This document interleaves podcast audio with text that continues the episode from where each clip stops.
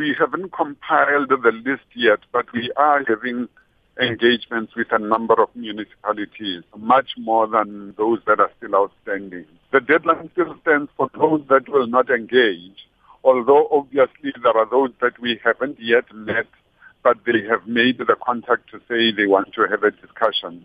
We also have a situation like uh, with the one that exists in the Northwest, where the Premier and the MEC for COGTA have called all the municipal managers of the affected municipalities so that they can work out a plan, but that is directed by the province. So that will also have an impact, obviously, on the numbers. Retel sê inwoners van munisipaliteite wat geraak word, wie se rekeninge wel volledig betaal is, sal die kwessie met die munisipaliteit self moet bespreek. We have a client base which is the municipalities and we can only make demands on the municipalities.